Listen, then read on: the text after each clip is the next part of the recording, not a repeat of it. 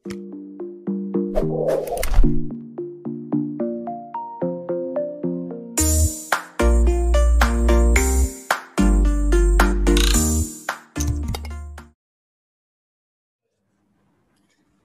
bahagia kerabat desa Indonesia pagi ini kita teragenda bicara tentang komunitas cinta desa. Jadi komunitas cinta desa adalah uh, satu komunitas yang waktu itu kita sempat ketemu dengan Mas Tohirin untuk kemudian berbincang-bincang tentang komunitas ini dan ada satu grup WA di komunitas cinta desa. Saya ada di dalamnya beberapa tokoh luar biasa, saya orang biasa.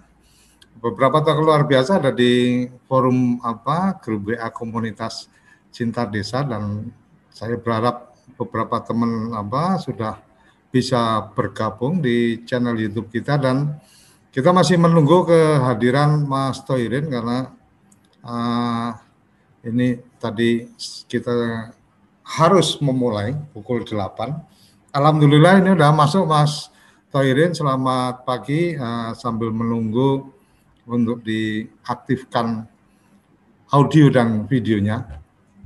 Jadi ngomong tentang cinta, ini cinta cinta desa ini ngomong tentang cinta luar biasa.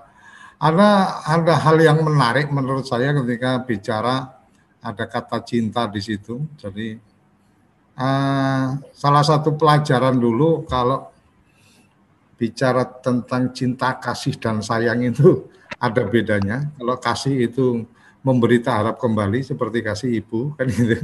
Kalau sayang itu selalu melindungi, kalau cinta itu harus memiliki. Jadi kalau yang yang kemudian katanya cinta tapi tidak harus memiliki, mas sebenarnya sudah sudah tidak tidak ada cinta di situ kan? Cinta itu harus memiliki. Ini pemahaman saya. Tapi kita ingin dengar pemahaman cinta desa komunitas cinta desa dari Mas Toirin yang sudah bergabung. Selamat pagi Mas Toirin selamat pagi Pak Koco luar biasa nih pagi ini pagi mohon maaf kita harus uh, sudah on tadi jam 8 iya. mengganggu ya. paginya Mas Toirin tadi ya. saya sudah memulai bicara tentang cinta kata cinta karena ada Kak Eh, KCD komunitas cinta desa kalau komunitas kita tahu bahwa itu pasti kumpulan atau apa orang-orang yang satu visi satu semangat mungkin agak dinundukin apa ininya laptopnya mas biar gambarnya oke. Nah lagi lagi lagi lagi. Ya lagi dikit lagi.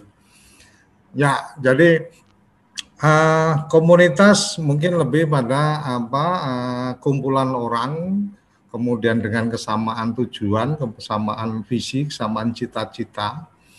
Cinta itu berarti rasa harus memiliki, karena kalau tidak harus memiliki ya menyayangi saja, jadi melindungi. Kalau tidak, eh, kalau kemudian lebih dari itu ya harus memberi, jadi kasih, kasih sayang dan cinta itu sesuatu hal yang beda. Kata saya sih, nggak tahu kata teman-teman. Nah, desa adalah satu uh, mungkin kewilayahan atau satu apa nah satu uh, apa ya satu bayangan tempat tertentu dan seterusnya. Nah kita pengen tahu nih kalau komunitas cinta desa ini idenya kayak apa karena sebagai apa founder ya inisiator ya. atau penggagas ini mungkin lebih lebih paham karena uh, ibarat kata kalau ada kelahiran bayi, maka yang lebih paham itu bapak dan ibunya. Kalau bidannya itu kan nggak paham nih, pengennya bayi itu seperti apa kan. Maka Pak Tairin.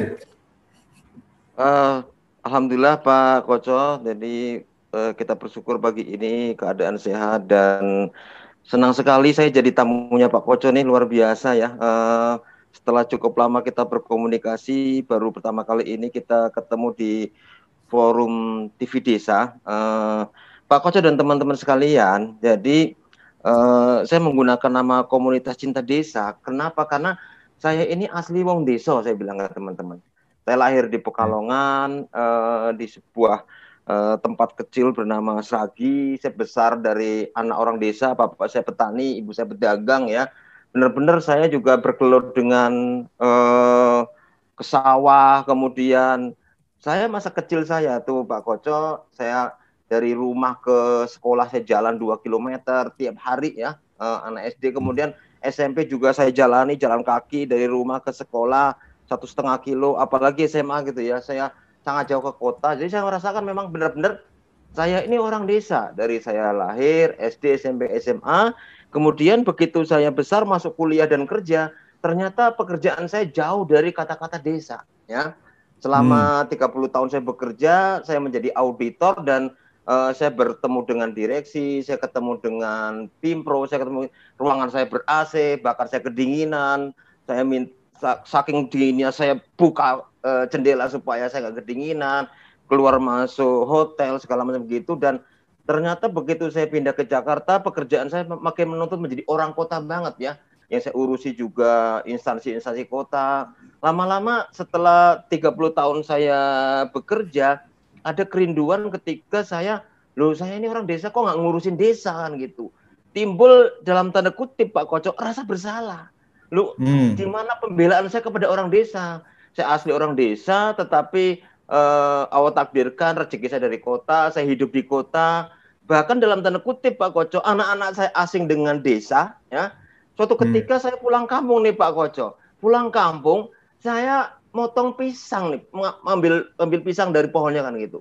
Anak saya saya ajak, itu dia bahagia banget. Ya Allah orang kota, orang cuman motong pisang aja kayaknya ngambil pisang kayak sesuatu yang merasa sangat bahagia karena memang anak saya di kota nggak kenal dengan pohon pisang itu seperti apa. Nah ini dari situlah Pak Koco muncul keinginan bagaimana mengkonektikan uh, kembali kepada saya manggil teman-teman saya di kota, mari Anda sebagian besar berasal dari desa, mari buktikan kecintaan Anda kepada desa. Di situlah Pak uh, Koco asal muasal uh, sebuah ide, akhirnya saya bentuklah komunitas namanya komunitas cinta desa. Tapi jangan salah, meskipun komunitas ini namanya komunitas tingkat des, cinta desa ya, tapi ini mengkonektingkan dari orang desa sampai ke orang kota. Dari orang desa yang nunggu dana desa sampai ke orang kota yang mengambil keputusan yang akan berpengaruh kepada orang desa. Demikian Pak Kocok. Artinya artinya ini lebih pada uh, apa ya? berbalas kasih aja karena dulu pernah merasakan apa di desa kemudian sekarang jauh dari desa kemudian uh, ingin melakukan sesuatu untuk desa gitu atau gimana mas?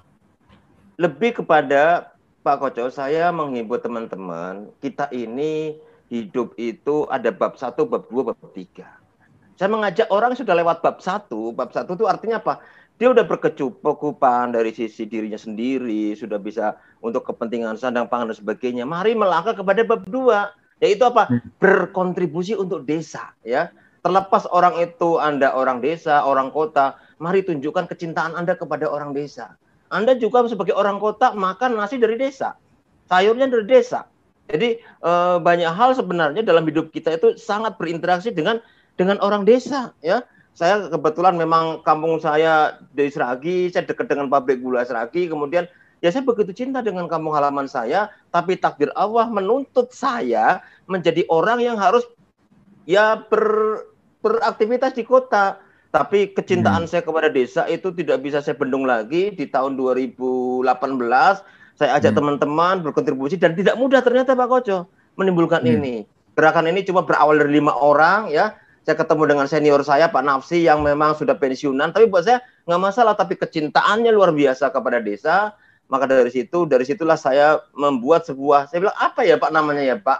Akhirnya bilang udah bikin aja deh komunitas cinta desa. Kenapa? Karena saya ingin komunitas ini netral, tidak dipengaruhi oleh partai politik apa pun. Jadi dari mana pun Anda berasal, suku apa pun Anda berasal, dari pola apa pun di Indonesia, maka Anda akan berinteraksi orang desa. Dan mari tunjukkan kontribusi Anda untuk desa, supaya desa itu maju.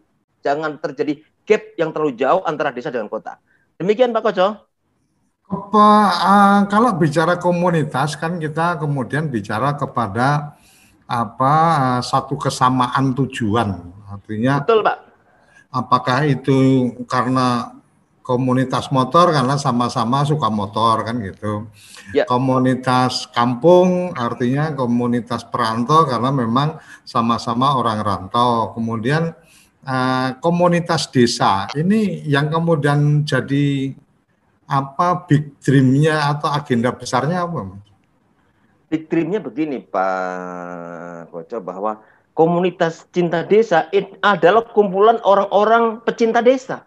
Jadi dia eh, di mana pun keberadaannya, ya, baik di desa, di kabupaten, di instansi auditor, di kementerian, di mana pun, dia memiliki kecintaan kepada desa dengan posisinya tersebut. Ya, ini yang kita harapkan. Nah, dengan kecintaan ini maka dia akan mengekspresikan kecintaannya agar ada apa? Agar ada keberpihakan terhadap desa.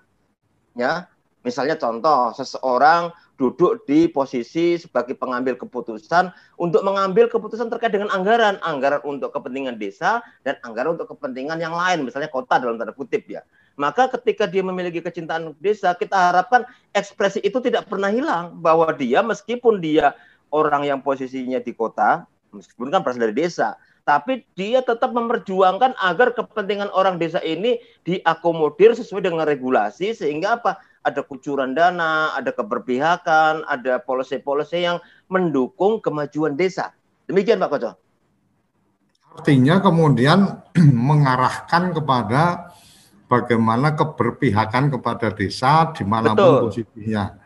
Ya. Nah, yang kemudian yang kemudian apa uh, menarik adalah ada satu ada satu nasihat waktu itu salah satu teman mengatakan bahwa ketika kamu berorganisasi, kamu berkelompok, maka sebenarnya ada tiga hal besar yang kemudian itu menjadi penting. Satu adalah apa kesamaan impian atau apa ya. apa uh, same dreamnya itu harus dapat gitu kan kesamaan tujuannya dapat kalau itu dapat mas pasti organisasi ini nggak akan pernah bubar. Ibarat kata kayak saya selalu mencontohkan ke teman-teman itu ibarat kata ibu-ibu pengajian itu nggak akan pernah bubar mau kapan pun ya tetap ada tuh pengajian ke rumah-rumah dan seterusnya. Karena kesamaan tujuannya lebih mendekatkan kepada apa uh, kepada Tuhan dan seterusnya dan seterusnya.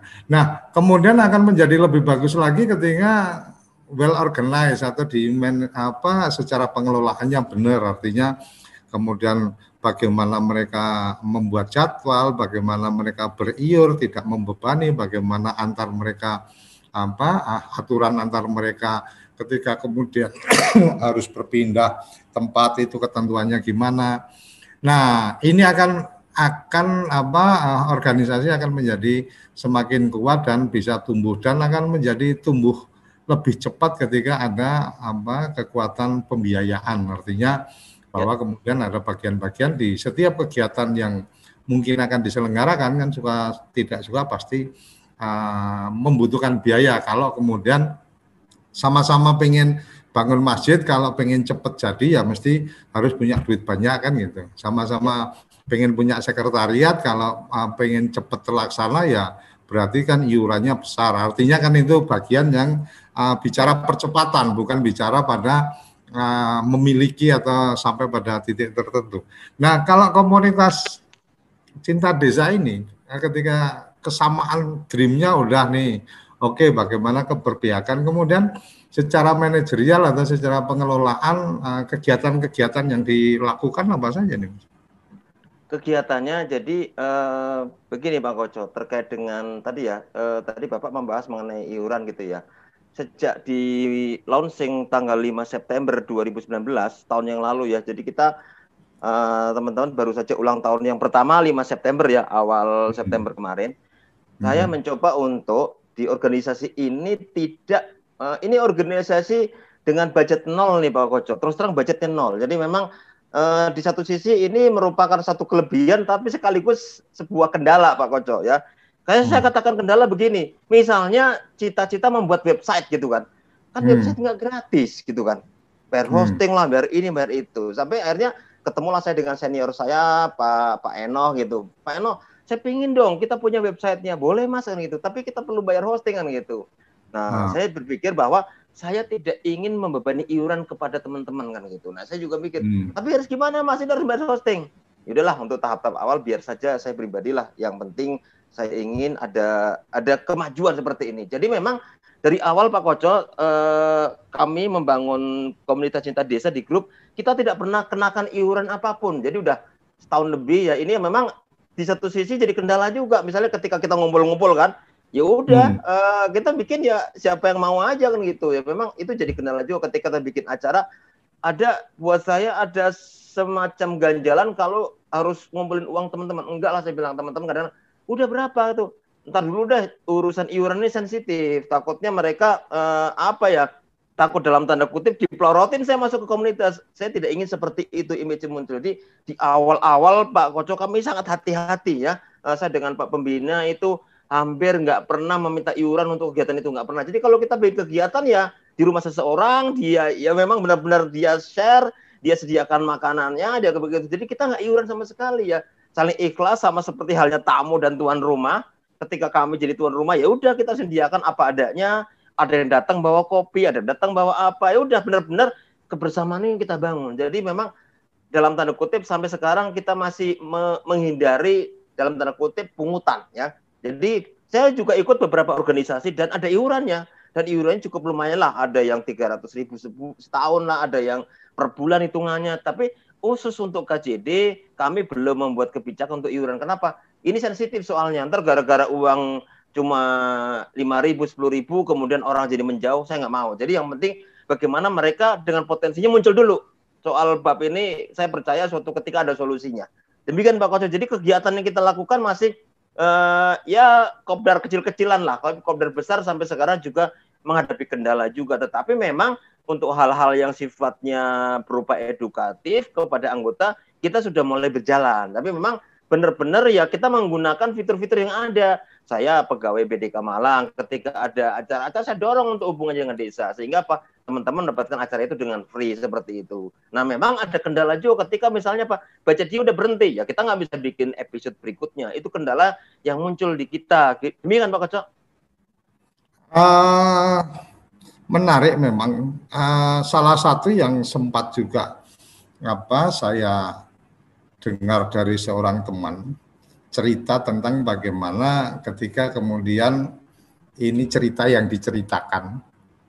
Bagaimana ketika Hatta dulu apa proklamator kita uh, didatangi teman-teman untuk berbicara tentang organisasi, agar membentuk organisasi dan seterusnya, maka kemudian Hatta menanyakan dari mana pembiayaan ketika kamu tidak menyepakati sebuah kes, apa iuran untuk organisasi maka menurut Hatta itu akan menjadi kendala. Artinya pasti ini akan menjadi masalah dan organisasi kamu nggak akan bisa berjalan dengan baik. Logikanya adalah mungkin lebih mana bagaimana komitmen. Kalau mungkin dulu semua apa artinya partisipasi yang paling terukur kan memang material ya.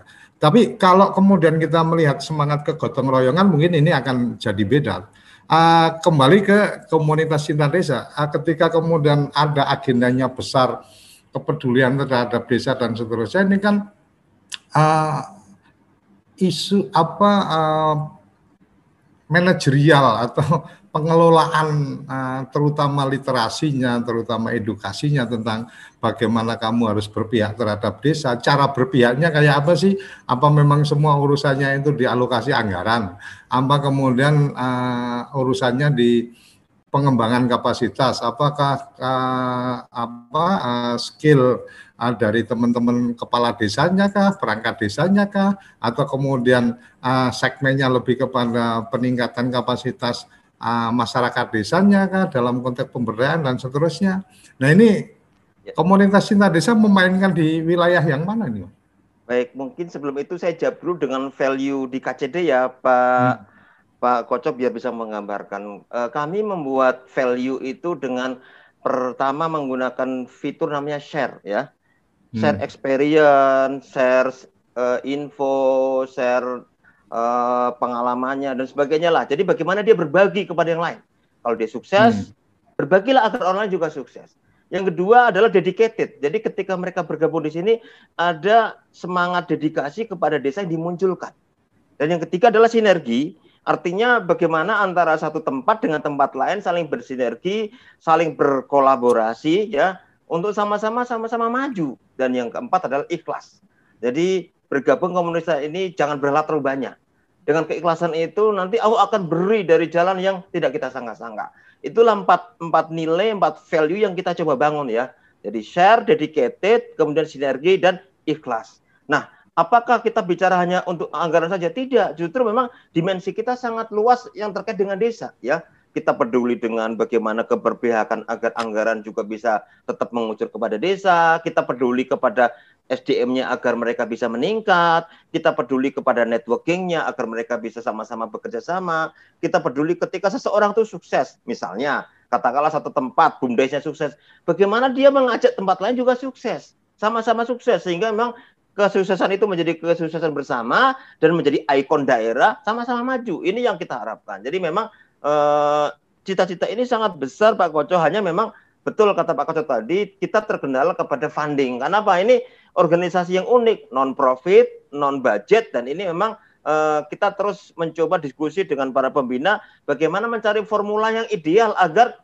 tercapai tujuan organisasi tetapi tidak membebani anggota. Ini yang memang uh, terus kita melangkah. Jadi tahap-tahap di tahun-tahun awal ini kita mencoba mengumpulkan orang-orang yang punya potensi luar biasa. Karena saya melihat anggota-anggota di KCD ini sangat luar biasa. Hanya potensi ini belum bisa tereksplor. Kenapa? Karena dalam tanda kutip masih ada eh, kendala-kendala yang tentu kita coba dengan berjalannya waktu. Semoga ada solusi nih Pak Koco. Salah satunya tadi Pak Koco sampaikan masalah budget kemudian masalah keluangan waktu. Tapi kami yakin suatu saat eh, misalnya satu contoh banyak orang yang ingin belajar bagaimana mengembangkan mengenai desa wisata. Kita punya ahlinya, kita punya orang yang punya experience, kita punya orang yang berpengalaman bakal jadi narasumber di mana-mana. Kita ingin misalnya desa mengembangkan potensi ekonominya, kita punya satu desa yang dalam tanda kutip kadesnya sangat sukses dan ini memang yang belum belum kita olah dengan baik dan kami harapkan ke depan ini bisa menjadi sebuah sinergi kebersamaan tadi ada share, ada dedicated, ada sinergi dan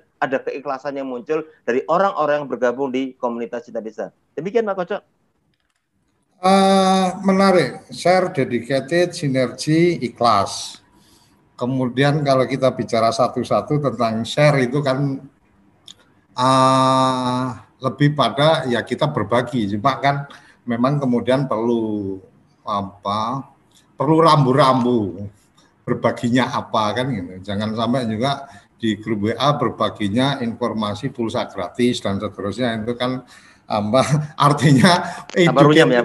ah, jadi educated apa-apa yang bisa dibagikan dalam dalam komunitas itu apa menjadi menjadi sangat penting kan secara rambu-rambunya mulai ditata dan seterusnya kemudian dedicated artinya mendedikasikan sesuatu kepada komunitas ini ya Suka tidak suka, uh, saya sih selalu mengatakan kepada teman-teman uh, ketika bicara berkegiatan maka janganlah kita melebihi Tuhan kan gitu. Artinya artinya Tuhan menciptakan manusia aja punya punya harapan gitu kan. Uh, jangan sampai kemudian ketika kita ada dalam sebuah organisasi atau komunitas yang ya kita nggak ada harapan apa pun. Artinya kita tidak berharap me, memberi sesuatu tanpa berharap itu apa mendap, memberikan manfaat ke kita dan seterusnya. Walaupun bahasa ikhlas sih menurut saya ya ya ikhlas itu ada adalah bagian yang yang memang harus dikerjakan ketika kita mempunyai kepercayaan tertentu kan. Kalau nggak punya nggak percaya bahwa ada manfaat eh, ke depan ya pasti bahasa keikhlasan ini masih menjadi tanda tanya. Sinergi ini pasti lebih pada uh, memang ada connect apa ada apa ya ada nilai-nilai yang kemudian bisa sama yang bisa dikoneksikan. Uh, menarik dengan empat ini, Mas. Kalau share uh, artinya sharing, sharing itu lebih pada memang ini komunitas akan jadi apa tempat rumpi positif, artinya tempat ngobrol-ngobrol positif atau gimana nih? Mungkin kita kita ya. apa satu-satu bagian ini supaya teman-teman juga uh, kerabat desa yang mengikuti acara ini, saya harapkan juga menjadi mengenal dengan baik apa uh, komunitas cinta desa ini karena uh, forum kepoin desa salah satunya juga uh, ingin menjadikan media ini sebagai ajang silaturahmi memperkenalkan diri karena suka atau tidak suka hari ini kita tidak cukup hanya apa uh, bekerja tapi kemudian tidak mewartakan atau hanya bekerja dalam diam melakukan sesuatu tidak dipublikasikan. Nah itu mungkin bagian dari ibadah silakan lah. Sholat nggak perlu dipamerin, ngaji nggak perlu dipamerin kan gitu. Tapi kalau kalau kemudian eh, kegiatan-kegiatan uh, yang harapannya banyak orang yang kemudian ikut terlibat dan seterusnya ya pasti harus ditunjukkan apa brandingnya atau ditunjukkan organisasinya sehingga orang jadi kenal kemudian jadi apa dari kenal kemudian jadi apa uh, suka gitu kan jadi uh, jadi teman habis itu jadi mencintai organisasi bisa jadi ya. bergabung di organisasi sharing idenya kayak apa nih mas? Sharing ini idenya adalah bagaimana seseorang yang punya success story bisa berbagi kepada orang lain. Jadi mas misalnya satu desa yang bisa mengelola satu asetnya dia bisa punya pasar desa yang maju omset satu miliar per hari kan orang wow satu miliar per hari bagaimana caranya? Maka dia bagaimana share kepada orang lain. Kenapa? Yang kita sampaikan kepada teman-teman bahwa share itu tidak akan mengurangi apa yang kita miliki. Inilah uniknya sebuah keilmuan bernama uh, share experience. Dengan dia share cerita kesuksesannya maka sesungguhnya dia sedang berbagi ya. Ibarat kayak bendungan dia alirkan air ke bawah tapi akan akan muncul air berikutnya dan akan terus mengalir. Maka ketika dia share kesuksesan dia tidak akan berkurang, ilmu dia tidak berkurang, bahkan dia makin terkenal, makin punya networking. Sementara di pihak lain ada orang yang akan naik derajatnya, ya. Dari tidak tidak tahu oh ternyata pasar desa potensial kita bisa kelola connecting dengan petani dengan desa kemudian transportasinya kirim barang dan sebagainya. Jadi dengan share experience ini diharapkan success story dia menginspirasi orang lain. Nah ini kelihatannya simpel tapi ternyata tidak mudah. Banyak orang cerita mengenai amati, tiru, modifikasi. Kalau kita bicara bahwa share ini mudah, tentunya yang paling cepat mendapatkan masa manfaat itu adalah tetangganya. Tapi ternyata nggak sesimpel itu. Di dalam uh, ilmu mengenai share ini ada kekuatan bagaimana menginspirasi orang, mempengaruhi pola pikirnya, mempengaruhi tindakannya. Akhirnya dia mau bergerak. Nah ini memang paradigmanya harus dibenahi dulu karena memang kalau paradigmanya masih belum klop gitu ya, uh, Ngapain saya capek-capek ngurusin desa? Saya udah punya bengkok, saya hidup nyaman, saya ngelola uh, eh, APBDes 2 miliar. Ngapain saya rumit-rumit terserah lah urusan desa begitu. Maka ini akan sulit maju. Nah, maka terhadap share ini kita harapkan muncul orang-orang yang mau menginspirasi orang lain dengan tindakannya, dengan ucapannya, dengan kesuksesannya, mengajak orang lain juga sukses seperti dia. Walaupun tentu saja ini butuh waktu karena kesuksesan itu adalah e, kombinasi antara power dia, kompetensi dia, energi dia, dan waktu. Jadi nggak bisa langsung kita tiru dalam waktu sekejap. Tentu ada tahapan-tahapan yang harus diikuti. Dan, jadi cara ini adalah semangat bagaimana orang yang sukses bisa menginspirasi orang lain agar sukses juga. Demikian Pak Kocok. Oke, jadi uh, menarik tadi tentang share bagaimana kita berbagi kemudian menjadi apa inspirasi share experience jadi inspirasi untuk teman-teman dan seterusnya. Masih ada masih ada tiga lagi tentang dedicated sinergi dan ikhlas. Ini ini ada bagian yang menarik lagi nanti kita akan bedah lebih lanjut. Dan di zoom meeting kita sudah bergabung ma ini Dian. Mas Dian atau Mbak Dian silakan kalau ingin menyampaikan sesuatu bisa apa dibuka audio dan videonya dan di di chat YouTube ada Moledon Ruby penyuluh pertanian Sultan menyimak. Oke, monggo silakan kalau ingin menyampaikan sesuatu bisa melalui chat atau bisa kirim WA ke nomor yang uh, official kami 083 kali. Oh ini salah ketik tadi. 083 kali 01317160 Nanti kita akan share uh, link untuk bergabung di uh, Zoom meeting kita. Ada Mas Abdullah, mengapa why itu that? Kar uh, karena because selalu always tidak pernah never. Oke, terima kasih pelajaran bahasa Inggrisnya Mas Abdullah. Kita akan kembali uh, sesaat lagi kita akan jeda sesaat untuk menikmati kopi pagi kita. Kamu tinggal di pulau terpencil, pegunungan pinggiran kota, atau daerah di Indonesia yang tidak terjangkau jaringan fiber, ADSL, dan juga 3G. Internetan dengan cepat pasti cuma akan menjadi mimpi. Mau pakai tol langit, pakai desa wifi, kunjungi www.desawifi.id. Ayo, kandidat kepala daerah, manfaatkan kesempatan ini. TV Desa mengundang Anda bicara desa. 5 menit bisa. Bicara Desa. Sebuah program tayangan monolog, konsep membangun dari desa.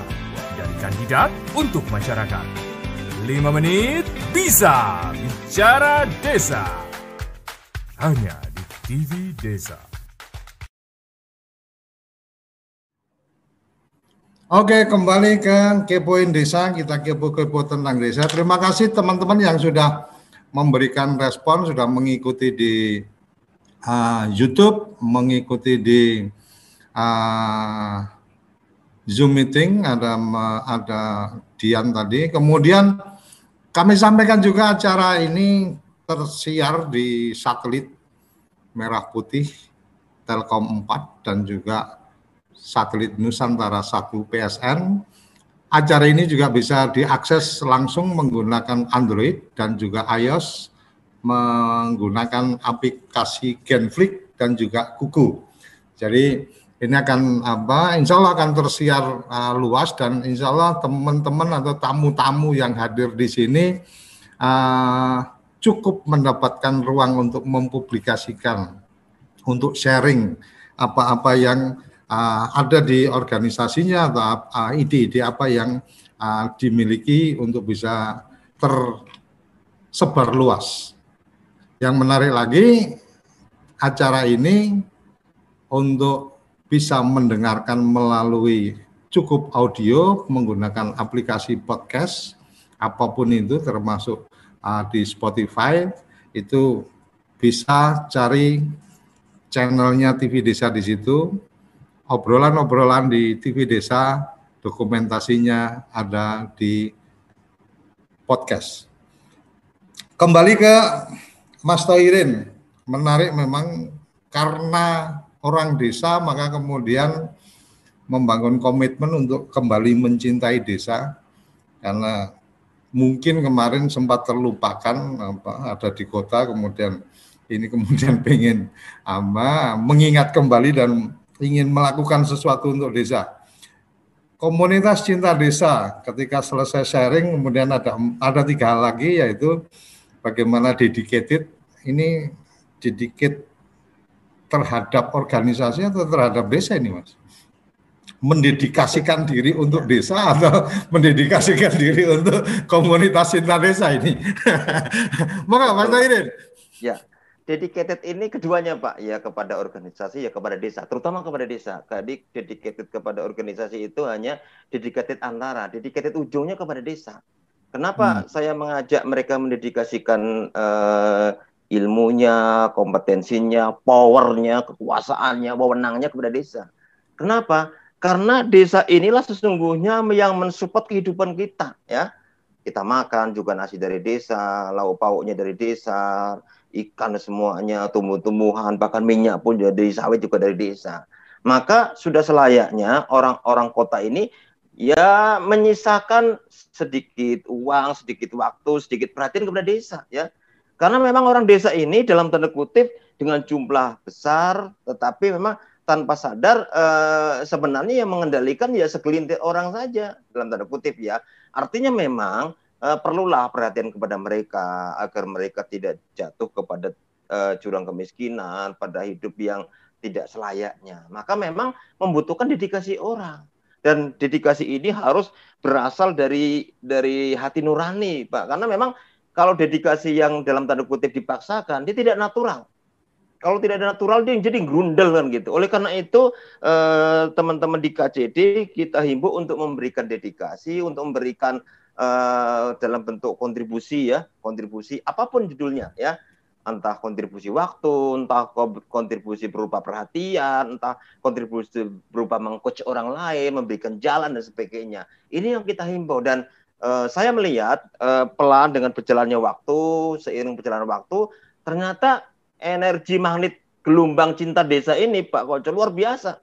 Ya, kami pada saat ulang tahun pertama KCD yang pertama ya di tanggal 5 September 2020, alhamdulillah kita launching 15 chapter KCD di seluruh Indonesia ya. Dan provinsi yang paling lengkap uh, chapternya itu di Provinsi Bengkulu. Kebetulan saya lama bertugas di provinsi tersebut ya dari tahun 91 sampai dengan tahun 2000. Saya kenal baik dengan kepala perwakilan BPKP-nya, dulu ketua tim saya keluar masuk ke ke hutan, ke kampung-kampung karena saya jadi auditor bersama Pak Iskandar Novianto pembina kita. Ya, saya cuma bilang begini sama sama ketua tim saya yang sekarang jadi kepala perwakilan. Pak Iskandar, saya tidak minta hadiah istimewa. Saya cuma minta di hari ulang tahun KCD, Pak Iskandar sajikan 15 chapter KCD dari Bengkulu.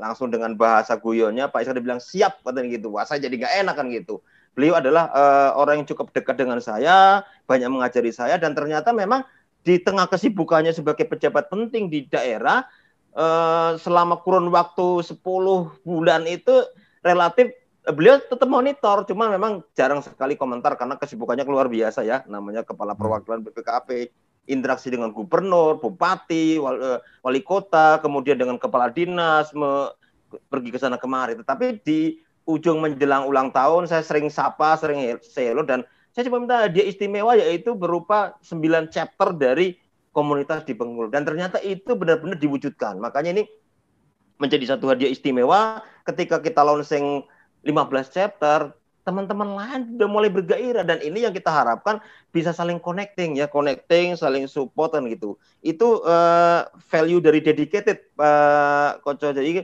harapan kita ada ada energi, energi kecintaan yang wujudnya adalah mendedikasikan sebagian. Kita nggak minta semuanya kok.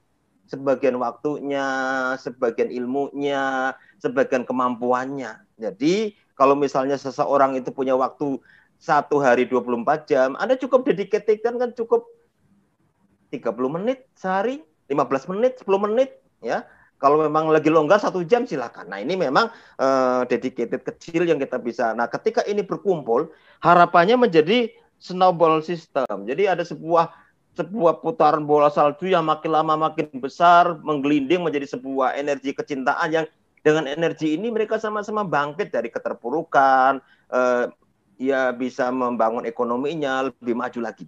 Ini dedicated yang kita harapkan dari teman-teman yang bergabung di KCD. Oke, berarti bagaimana mendedikasikan untuk desa dan juga untuk organisasi. Setidaknya ketika mendedikasikan diri untuk desa, maka dalam posisi apa pun, apa profesi apa pun, maka selalu atau hmm, tetap mengingat bahwa ada bagian yang kemudian dia pikirkan untuk dikontribusikan ke desa. Kira-kira gitu ya, Mas ya? Betul Pak Koco. Oke, ke yang ke, ketiga tentang sinergi. Ide-ide sinergi ini sinergitas yang seperti apa? Apakah kemudian dengan di komunitas cinta desa ini kemudian masing-masing member itu mendapatkan apa uh, potensi untuk bisa bekerja sama atau atau bagaimana idenya? Betul Pak, sinergi ini kita bicara kalau di ekonomi itu ada istilahnya economic of skill ya Kemarin hmm. ada share misalnya seseorang kami butuh beras 10 ribu ton setiap bulan gitu. Nah, ketika misalnya ide dasarnya, ini dari Jakarta, dia butuh beras katakanlah 1000 ton. Kemudian dikirim satu titik. Ternyata untuk pengiriman ini dia hanya mampu mengisi seperempat truk tadi. Nah kalau seperempat truk kemudian dibayar transport dari katakanlah Jawa Timur ke Jakarta kan akan mahal.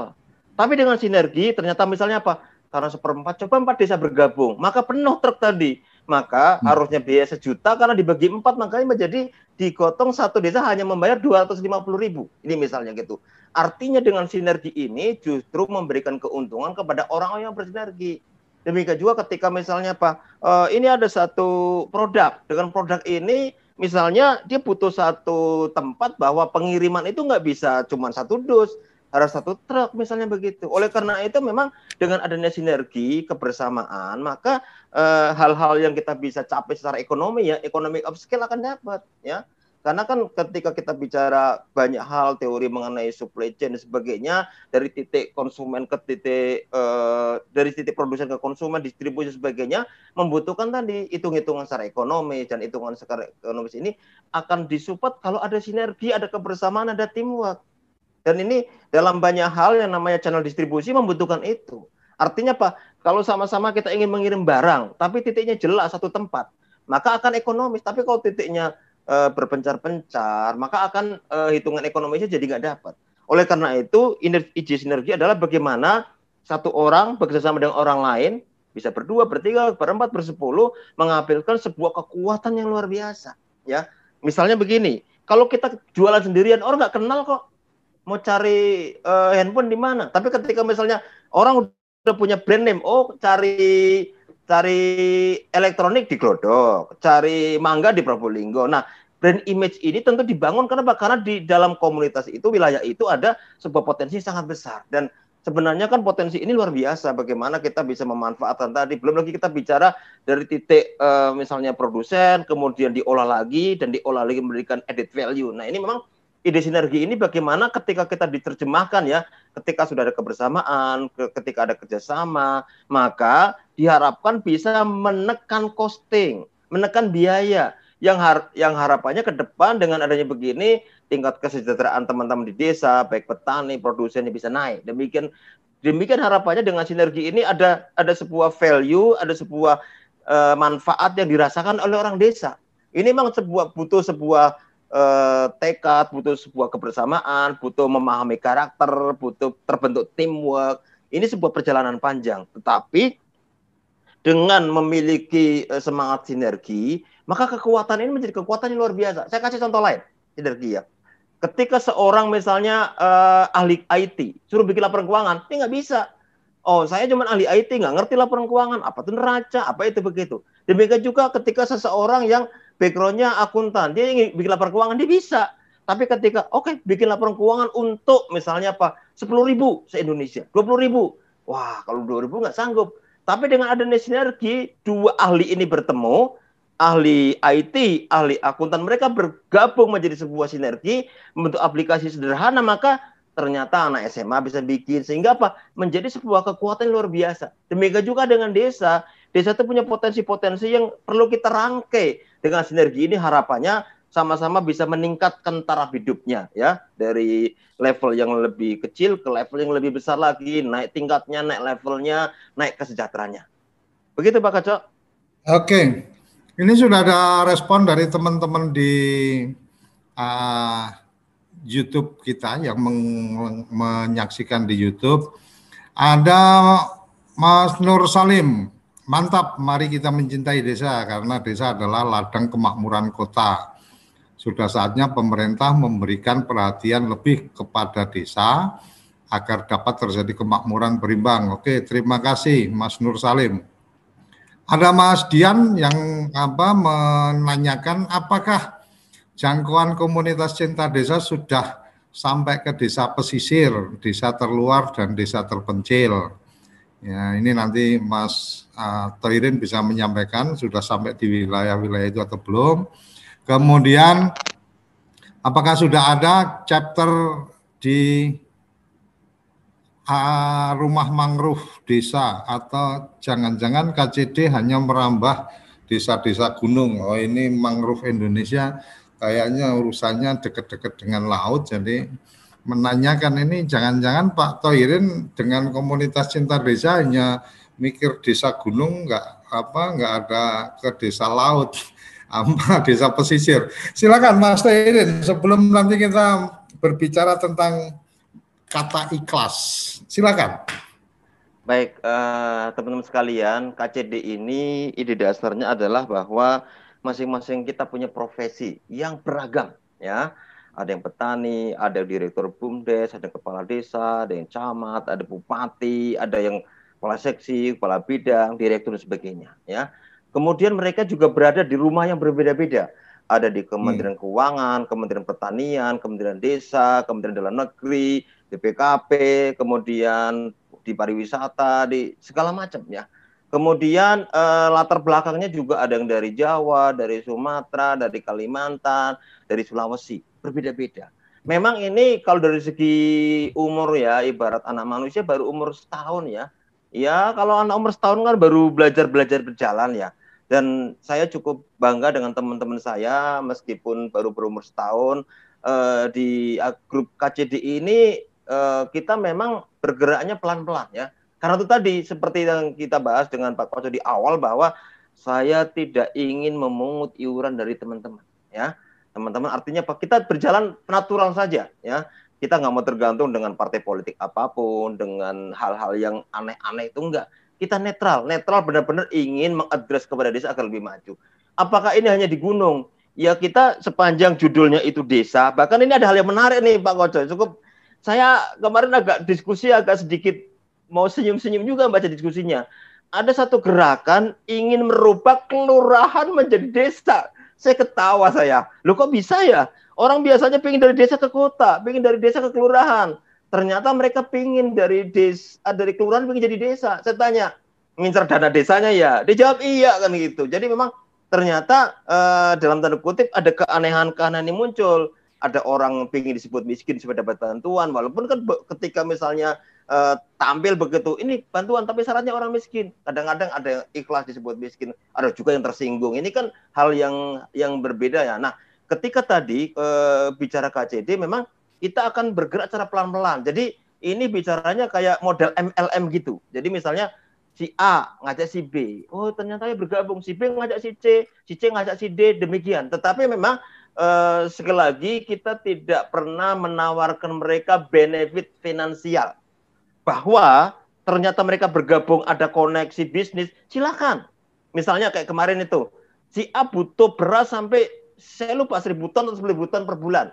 Ternyata disambut, oh hubungi aja BUMDes bahwa mereka koneksi bisnis silakan. Saya saya pikir itu sebuah sebuah kebaikan kita bisa mengkoneksikan antara produsen dan konsumen si A dengan si B bermitra itu silakan. Tetapi memang ide dasarnya bahwa kita ketika terkoneksi tadi ya Ya tadi kita kita akan terus bergerak siapa pun yang mau bersama-sama karena yang namanya komunitas cinta desa saya harapkan nggak eksklusif. Nggak eksklusif itu begini maksudnya bahwa komunitas cinta desa itu unsurnya warna-warni.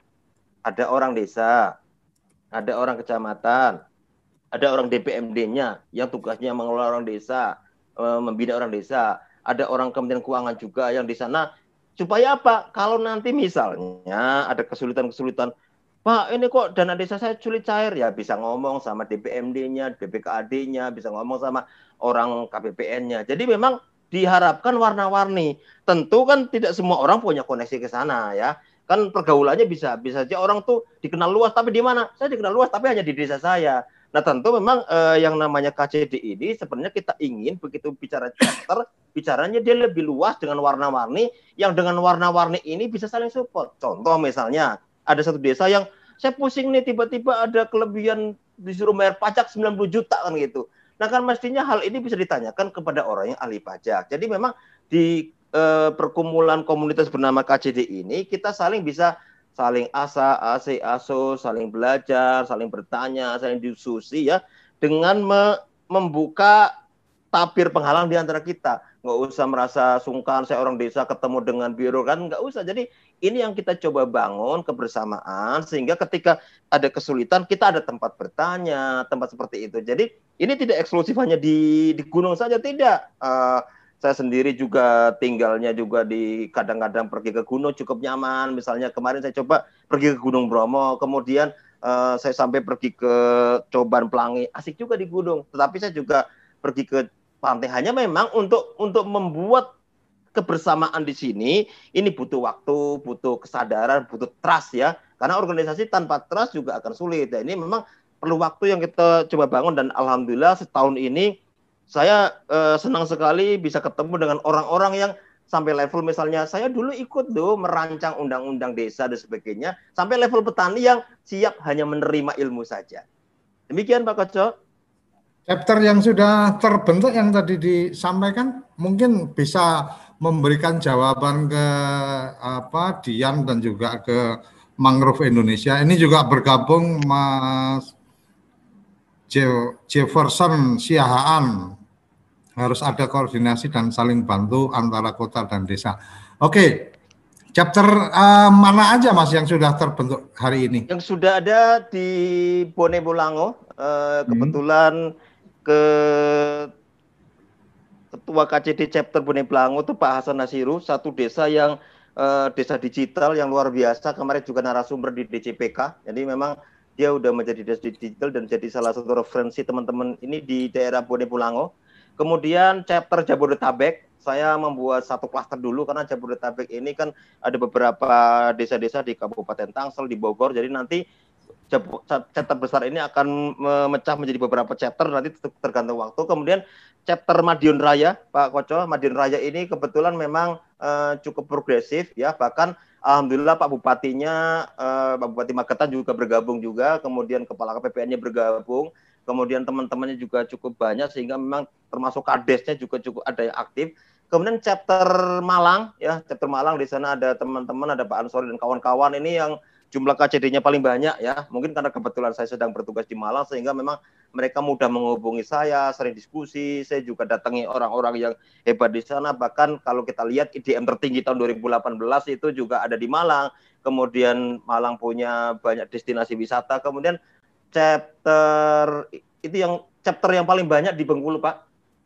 Di Bengkulu ini semua kabupaten ya dari Kabupaten Mukomuko, Kaur, kemudian Lebong, kemudian ke Kabupaten Selatan dan sebagainya, seluruh kabupaten di Bengkulu, di Bengkulu itu punya 9 kabupaten dan semuanya sudah terbentuk chapternya ini berkat dukungan dari pembina kan gitu. Jadi memang saya punya mimpi bahwa chapter ini terus terus bergerak. Tentu saja memang uh, saya mengundang teman-teman untuk bergabung di KCD dengan satu spirit kita berkontribusi dulu sepakatnya.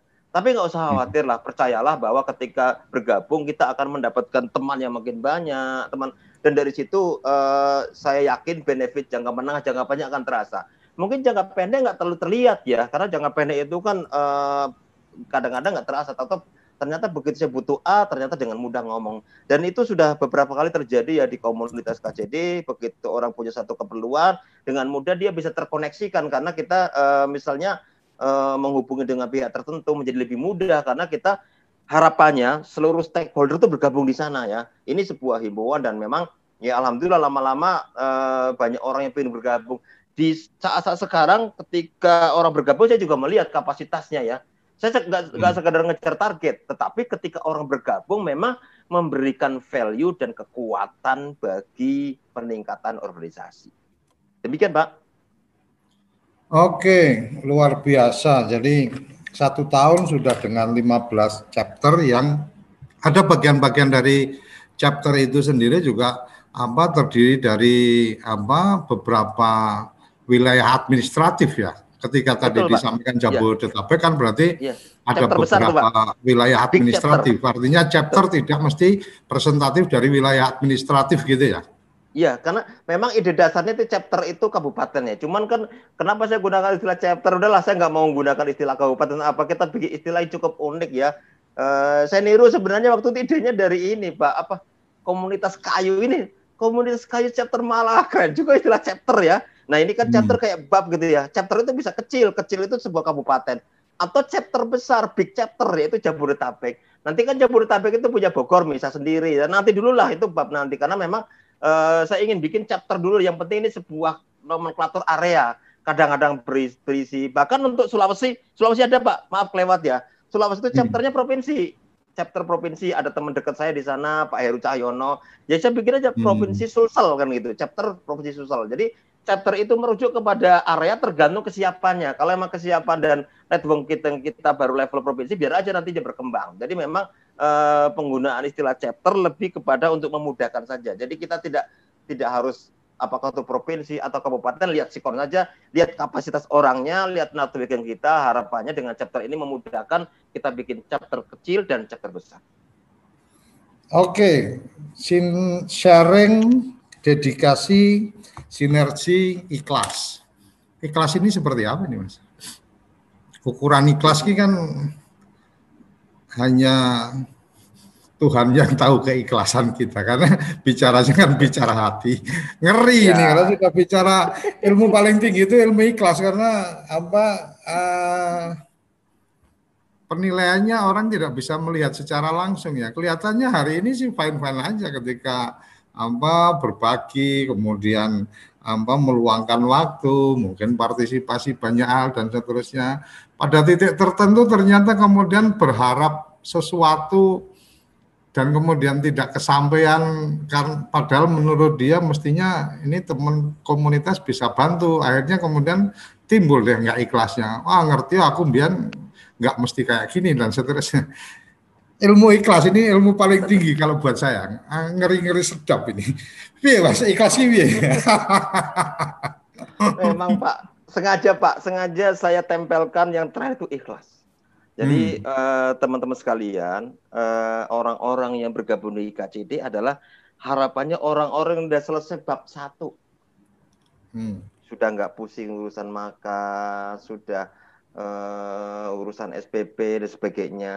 Bahwa ternyata ada yang begitu. Jadi ketika dia, contoh misalnya, saya bikin contoh nyata ya. Hmm. Saya mau bikin event. Kemudian hmm. kan tadi uh, sudah kita bahas ya bahwa KCD ini nggak punya dana dia. Maka hmm salah satu strategi yang saya gunakan, saya kebetulan misalnya kerja di BDK Malang. Ya sudah saya dorong aja, dorong BDK Malang untuk bikin open class dan alhamdulillah di tahun 2019 kita bisa bikin 10 open class tema desa, ya, tema desa. Padahal ternyata sebenarnya kalau kita hubung-hubungkan organisasinya dengan desa berhubungan apa tidak? Bisa iya, bisa tidak. Tergantung orang menafsirkannya.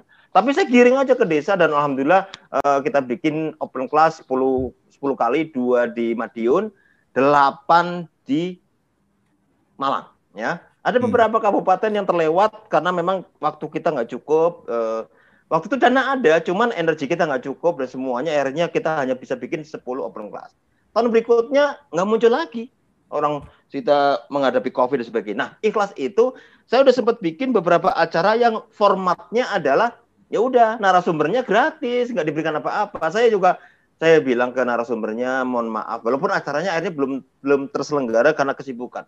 Tetapi memang saya minta kepada narasumbernya mohon keikhlasannya acara ini memang tidak punya uh, sumber dana apa pun jadi kita minta narasumber tidak diberikan uh, honor apa pun. Dan teman-teman ikhlas kan gitu padahal ketika dia jadi narasumber di tempat lain dia berbicara sekian jam sudah akan tanda tangan ditransfer dana sekian.